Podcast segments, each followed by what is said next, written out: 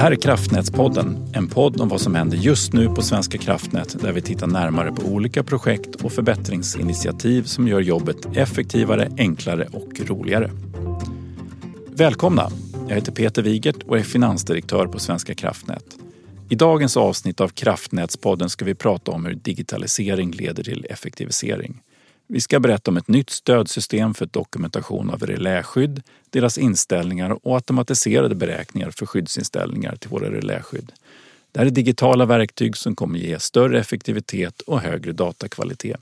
Vilket i sin tur ger bättre förutsättningar att bygga fler stationer och ledningar på ett så effektivt sätt som möjligt. Arbetet med att digitalisera, automatisera och energieffektivisera pågår på många håll i Sverige idag och naturligtvis pågår det här arbetet även på Svenska kraftnät. Ett exempel på detta är EPIS som är ett digitalt stödsystem för alla de reläskydd som sitter i Svenska kraftnäts stationer. Och med mig här i studion för att berätta allt de vet om EPIS, automatiserade beräkningsmetoder och ännu mer därtill så har jag reläskyddsingenjörerna Robin Bjäråker och Anna Pettersson. Välkomna! Tackar! Tack så mycket! Vi har även enhetschefen på skyddssystem Mikael Jarl här. Tack! Välkomna till Kraftnätspodden. Eh, Robin, vi börjar med dig. Eh, du och Anna jobbar som reläskyddsingenjör här på Svenska kraftnät. Vad är ett reläskydd och vad gör en reläskyddsingenjör? Och prata till mig som att jag är ekonom, för det är jag. Ja, jag ska försöka. Ehm, ja, men ett, ett reläskydd är en, en, en, fysisk utrustning som finns installerade i samtliga våra stationer där vi har anläggningsdelar anslutna. Och eh, dess uppgift är att övervaka eh, driften av eh, våra stamnät. Att allting fungerar som normalt. Och eh, skulle det inträffa ett fel, säg att åskan slår ner någonstans, vi får ett överslag på våran ledning eller om en lina ramlar ner, då ska reläskyddet detektera sånt fel och koppla bort direkt. Det ger en order till en brytare mm. som isolerar felet helt enkelt. Mm. Det var reläskyddet och som reläskyddsingenjör, vad, vad, gör man då? Ja, men, eh, reläskyddsingenjör på SVK, det är en person som som ansvarar för felbortkopplingssystemet, dess design och eh, utför även matematiska beräkningar för att ställa in de här reläskydden så att de agerar korrekt. Så det kan vara olika typer av objekt som vi övervakar och eh, vi gör olika typer av beräkningar. Men i slutändan så ska det som sagt detektera fel och koppla bort dem. Det handlar om säkerhet till slut? Det handlar om säkerhet, driftsäkerhet, personsäkerhet mm. och så vidare. Anna, varför är de här reläskydden så viktiga som komponent i kraftsystemet? Ja, men eh, precis som Robin precis berättade så är ju reläskyddens uppgift att detektera ett eventuellt fel i elnätet och i händelse av fel skicka en utlösningspuls till brytaren. Eh, så vi kan koppla bort det felaktiga objektet. Och, ja, sen finns det ju två huvudorsaker till varför det här måste ske snabbt och säkert. Och det första är ju då personsäkerheten. Mm. Ingen det absolut viktigaste. Eh, och sen har vi också, eh, som är väldigt viktigt, drift och stabilitetsperspektivet. Och att den endast feldrabbade komponenten, till exempel en ledning, kopplas bort och det sker så fort som möjligt. Och jag skulle vilja säga att de allra flesta fall så är felen bortkopplade på under 100 millisekunder i vårt transmissionsnät. Eh, vilket är det vi kallar då momentan bortkoppling. Det går snabbt. 100 millisekunder för, för en, en som inte är så bevandrad. Hur, en millisekund, 100 millisekunder. Går det att, relatera det till någon annan tidsfönster som vi känner till? En tiondels sekund. Mm. Mm, det var bra. Ni jobbar alla tre på avdelningen för stationsteknik och enheten för skyddssystem. Mikael, du är enhetschef. Hur ser era ansvar, ansvarsområden ut? Ja, precis som eh, både Robin och Anna varit inne på så handlar mycket av vårt arbete om att dels att vi ansvarar för att utforma skyddssystemet, att det är korrekt. Vi använder rätt typ av skydd för just eh, en specifik eh, applikation så att säga. En ledning då till exempel kan ju se lite olika ut och då är det vi som talar om hur ska det Eh, hur ska liksom vi designa skyddssystemet för just eh, den här stationen eller ledningen? Eh, och utöver det så, så jobbar vi också med att vi analyserar alla störningar på, på transmissionsnätet och vi har en, en speciell roll som heter analysvakt. Som det är ett antal personer som har en vecka i taget. Då. Som en jour helt enkelt? Ja, vi, vi har inte som jour men det är under kontorstid. Eh, så att vi tar hand om alla störningar som inträffar och går igenom och ser att det fungerar korrekt. Eh, så det är väl de sakerna som vi gör till stor del. Sen finns det mycket annat också. Vi är involverade i underhåll av, av eh, reläskyddssystem och sådär. Det, det, vi ska prata om idag det är ju ett, ett typiskt effektiviseringsinitiativ. Och de här effektiviseringsarbetena ni genomför, kan du berätta lite mer om bakgrunden och hur ni kom till de idéerna? Ja, det, det började egentligen för ganska länge sedan. Jag vet inte om Anna och Robin kanske kan hjälpa mig med årtalen, men jag tror det var 2016 kanske? Ja, sånt. det var ganska många år sedan där vi, vi kom fram till att vi kan inte jobba med vad ska vi säga, våran eh, utveckling av vår verksamhet och bara titta ett år i taget. Mm. Utan vi bestämde då att nej, vi ska titta fem år framåt. Var vill vi vara då? Inom ett antal olika områden. Och då var det bland annat det här med hur jobbar vi med våra reläskyddsinställningar och eh, kan vi på något sätt effektivisera våra beräkningar? Eh, så att det var två som, det blir väldigt snarlikt som vi jobbar idag med strategin med mm. våra kartor. Mm. Eh, så vi får väl skryta lite och säga att vi var lite föregångare på det området faktiskt. Det tycker jag ni kan göra. Absolut. Så det är en grundlig effektivisering. Och, och... Ja, precis. Eh, vi, vi, insåg att vi har liksom en sån... Det kommer att bli så mycket ja, vi kommer att behöva genomföra så mycket projekt till exempel och vi kommer att behöva växa. Eh, men vi kan inte bara eh, så att säga, slänga in mer människor i det här utan vi måste också titta på hur vi jobbar med eh, liksom effektiva arbetssätt, mm. effektiva metoder och så. Så att vi får jobba med både och. Mm. Mm. Då kommer vi in på det här som ju var en, en del i rubriken till den här podden, EPIS. Vad är det för någonting egentligen? Ja, EPIS det, det, är ett uh, nytt stödsystem, ett dokumentationssystem. Det står för Enterprise Protection Information System. Och uh, man skulle kunna säga att det är ett asset management system som vi använder för reläskydd. Och eh, kopplat alla reläskyddsinställningar som finns. Alltså de här det vi räknar fram, de här matematiska beräkningarna vi gör i ett annat stödsystem som vi snart kommer in på. De, de omvandlar vi i, i, data som vi för in i, i reläskydden via våra entreprenörer. Då. Så att eh, det här stödsystemet kommer förvalta alla reläskyddsinställningar och reläskydd. Min nästa fråga är, är kanske lite speciell och specifika, men vad menar ni med automatiska beräkningar av skyddsinställningar? Ja, men idag har vi ett beräkningsprogram som vi använder för framtagning av skyddsinställningar som heter CAPE. Och det har använt på ganska många år på SVK. Eh, men tanken med det vi kallar automatiska beräkningar här idag, det är att vi vill använda det här programmet fortfarande, men vi vill använda det lite smartare och mer effektivare helt enkelt. Och lite förenklat kan man säga att eh, arbetet med att ta fram skyddsinställningar, eh, de består av två delar. Och som underlag till de här två delarna, det kallar vi eh, inställningsprincip. Det är ett dokument. Och det är en typ av kokbok för oss miljöskyddsingenjörer kan man säga. Och den första delen när man arbetar med skyddsinställningar, det är att man gör ett antal grundberäkningar för att hitta de dimensionerande felfallen. Eh, och sen i nästa steg så görs en utvärdering av de här olika kriterierna och felfallen eh, som ska väga, vilka som ska väga tyngst vid parameterinställningen. Och an, ganska ofta är det här en typ av kompromiss av de här olika valen. Eh, och i dagsläget är tanken att vi ska ta mer hjälp av vårt beräkningsprogram CAPE till den första delen av beräkningarna. Eh, alltså ta fram de här dimensionerande fallen. Eh, och, och, och tanken med det är ju att det är ju den mest tidskrävande delen av beräkningarna. Eh, för att sedan låta oss ingenjörer den andra delen manuellt.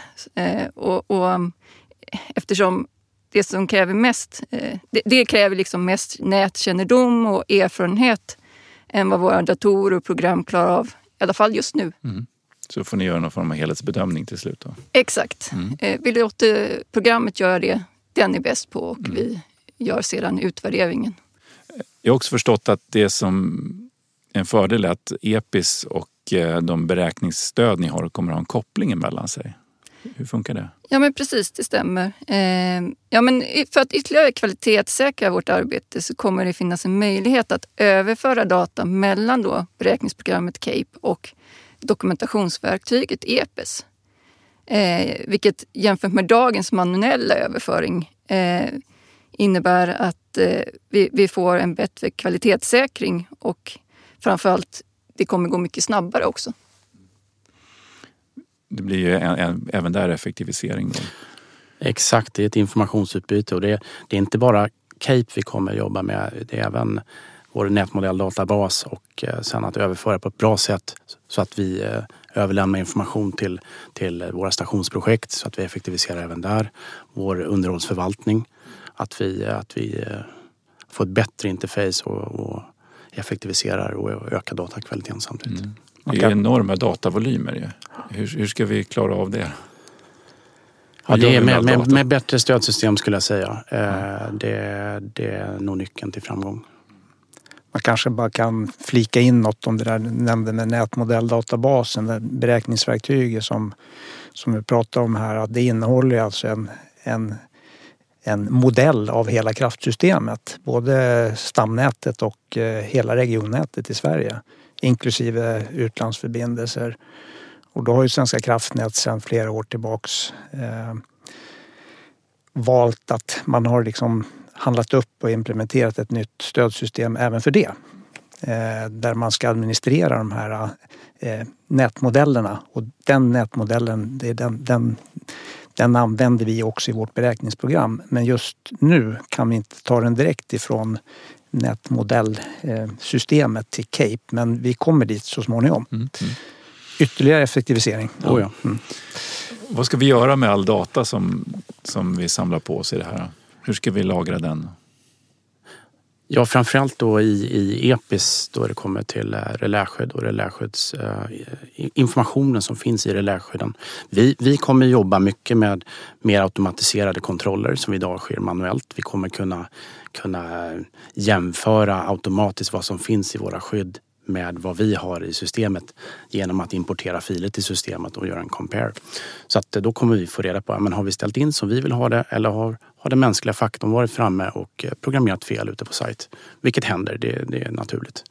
Så att eh, vi kommer kunna nyttja systemet på, på, ett, på ett mycket effektivare sätt och få en högre datakvalitet. Det är jag helt övertygad om.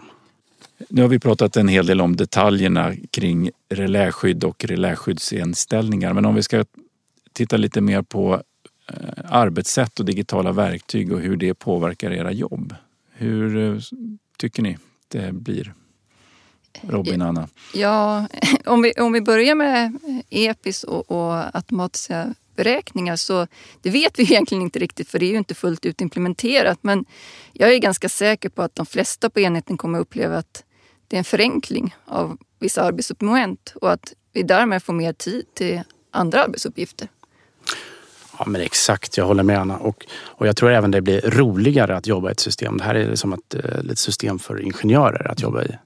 Istället för att sitta och jobba med, med massor av data i Excel. Så det blir även roligare så jag tror, jag tror vi kommer ha mycket vinning av det också. Mm. Och det är, det är ju, EPIS är väl också just framtaget av reläskyddsingenjörer i princip. Så att eh, det blir väldigt eh, anpassat på det viset. Så är det. Så är det. Mm den återkommande temat i Kraftnätspodden är effektivisering. Eh, beskriv lite hur, hur det här arbetet som ni har genomfört nu och som ni, som ni snart är i mål med, hur leder det till ökad effektivitet om man tar lite större perspektiv? Ja, alltså vi har ju fått, vi brukar ju få den här frågan liksom, men hur mycket, alltså hur många procent och sådär.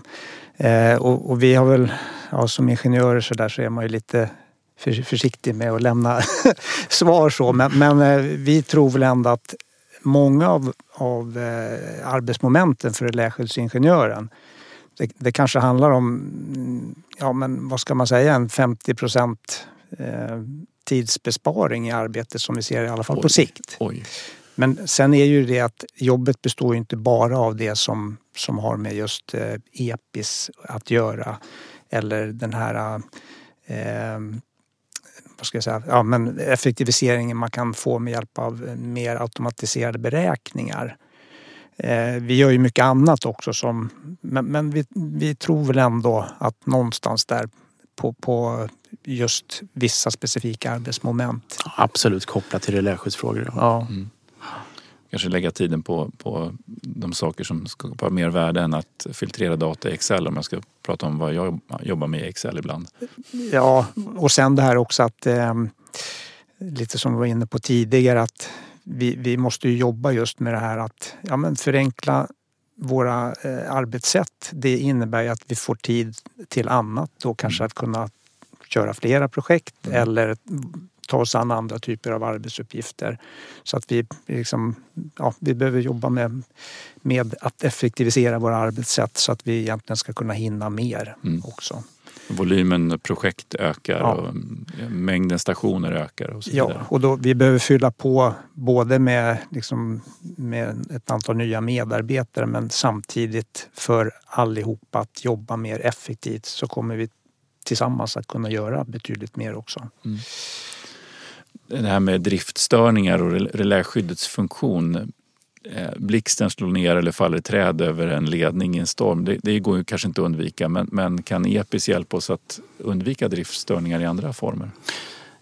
Jag skulle säga att, att just driftstörningar det kommer fortsätta hända. Mm. Det kan vi inte styra så i mångt och mycket men det EPIS kommer hjälpa oss med är att, att eh, reducera konsekvensen. Att vi får minimal påverkan på stamnätet, att vi har kontroll på alla reläskydd som känner felet också runt omkring som Anna berättar om, om selektivitet. Att, att vi kopplar bara bort den anläggningsdel som har felet, ingenting annat.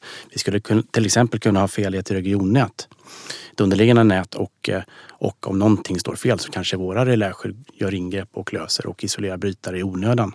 Och eh, vi vill absolut eh, hålla nere antalet anläggningsdelar som kopplas bort. Det ska vara perfekt. Så att, är ni klara nu eller har ni ytterligare grejer på gång? Att jobba smartare med de här verktygen eller med andra verktyg? Ja, men eh, det finns ju alltid en förbättringspotential i det mesta man gör. När, men när det gäller Cape så har vi ju redan pratat om att vi skulle vilja implementera mer än bara ledningsskydd som vi har i databasen idag. Och det finns även några andra moduler eh, som vi redan har i programmet men vi skulle vilja använda mer och bättre. Sen har vi ju det här med eh, NMM-databasen och överföra ett felströmsnät därifrån med hjälp av eh, SIM-standarden i framtiden. Eh, så förhoppningsvis kommer vi att ha mer tid att titta på de delarna när EPIS och den första delen om automatiserade beräkningar är implementerade. Ja, jag kan också säga att eh, vi är ju mitt uppe i, i, i att implementera EPIS i, i, på vår enhet.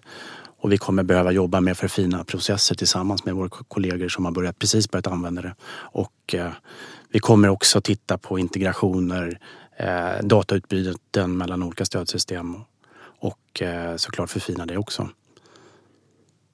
Det, man kan, jag tänkte på att eh, EPIS nu då, på Svenska kraftnät är det så att vi har ju egentligen köpt eh, tre olika tre system ifrån den här leverantören. EPIS är ett, nätmodelldatabasen är ett och sen så finns det också en, eh, en applikation för avbrottsplanering. Och alla de här finns då på samma plattform så att säga, IT-plattform. Och det, det har ju skapat egentligen ett otroligt kraftfullt verktyg och stora möjligheter att vi ska kunna ta det här vidare och säkert kunna effektivisera många olika saker med hjälp av, med hjälp av den plattformen som, tänker jag i alla fall. Men absolut, få bra dataflöden i huset. Ja, Att vi inte sitter på varsin kammare och manuellt knappar in samma data som det kanske var tidigare.